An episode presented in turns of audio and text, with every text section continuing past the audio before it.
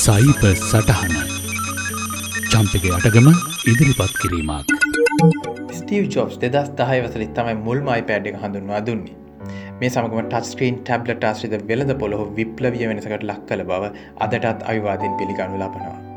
නමුත් අත මම කතා කරන්නේ iPad ගැනවත් ජොබ්ස් ගැනවත් නෙවෙයි. මිලියන ගණනින් iPad ලෝවට උුණු කැව් වගේ අලවෙදී ස්ටීව් චොප්ස්ගේ කෙදර iPadයට තිබුණු තැන ගැන. නිවියෝක් ටයිම්ස් පුවත්පතේ මාධ්‍යවේදියෙක් මේ කාලේම ජොබ් සමඟ සාකච්ඡාවක් පවත්වනවා. ඔහුගේ නම නික් බිල්ටන්. iPad ගැන තාක්ෂණික පැත්තේ වචන හෝමාරුකට පස්සේ නිකමට වගේ ජොබ්ස් ගෙන හනවා ඔබේ දරුවන් නම් iPadවලට ආසැතිනේද කියලා. මුළු ලෝකෙම මේ ඉන්ද්‍රජාලික උපාන්ගෙන් වසඟ වෙලා එහි ශක්්‍යතාවයන් ටික ටික හඳුනාගෙනෙන මේ කාලේ ජොබ්ස්ගේ ගෙදර කොහොම තියෙන් ඇතිද කියලා නික්ට kutuහලයක් එන්න ඇති.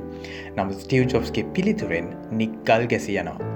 නෑ එයාලා iPad පාවිච්චි කරල නැතාම් අපේ ගෙතර දරුව තාක්ෂණය පාවිච්චි කරන තරම අපි සීම කරලනි තියෙන්නේ. මේ හමුව ගැන පසු කාලෙක සිහි කරන්න නික් කියනවා. ඔහු සිතා සිටිය ජොබ්ස්ගේ ගෙදර යෝධ ටස්ක්‍රීන් සවිකරපු බිත්ති තියෙන. කෑම මේ සිදිගේ iPad සවිකරපු අයිපොඩ් නිකම් චොක්ලට් වගේනේ නමුත්තන්ට පිළිගන්වන තාක්ෂණික පාරාදීසයක් වෙන්න ඇති කියලා.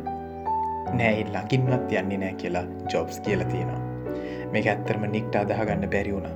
ජොබ්ස්ගේ ජීවිත කතාව ලිවේ වෝල්ට අයිසැක්සන් කියන රචකය. ඔහේ පොත ලියන්න ස්ටීව් ජොබ්ස්ගේ ගෙතර නිතරම කාලය ගත කළ කෙනෙක්. ඒ නිසා ස්ටීව්ගේ කතාව සාතික් කරගන්න නික්ගේ වෝල්ට ගවට. වෝල්ටය සනාත කරමින් මෙහෙම කියනවා. හැම හවසකම ස්ටීව් කියල තිබුණ කෑම ගන්න ඕන එකට. ගෙදර තියෙන දික විශාල මේසේ ඔවුන් පොත් ගැන ඉතිහාසය ගැන සහ විවිධ මාතෘකා ගැන කතා කරනවා.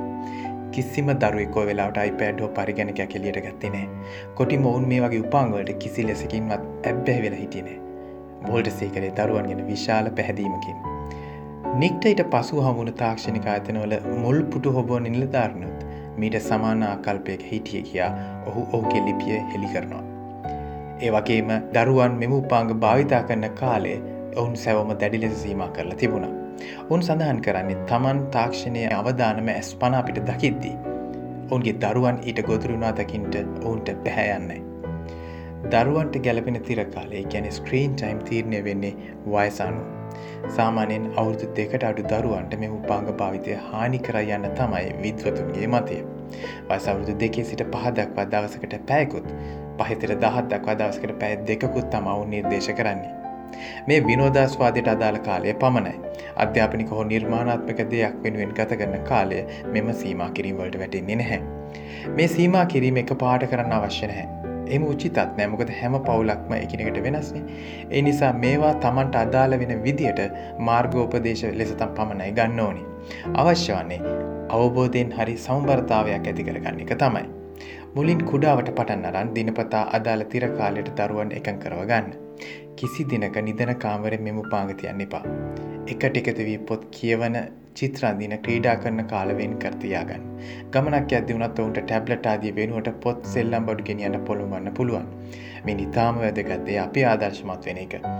අපගේ ඉලෙක්ට්‍රොනික උපකරන්න පසකින් තියලා ඔවුන් සමඟ පොතපත කියවන්න සෙල්ලම් කරන්න කාලින්න මාතෘකා ගැන සාකච්ඡා කරන්න චිත්‍ර සංගීත ආදී පොඩි කාලයකට හරි නියලෙන්න හැකිනම් මේ වතුරුවලින් ඔවුන් මුදවාගන්න පුළුවන් හොඳම ක්‍රියාමාර්ග ඒ බව ඔබත් මාත් වටහාගන්න ඕනි. අදත් ඔබට සයිපසටහන කෙනා මම චම්පකයාටක.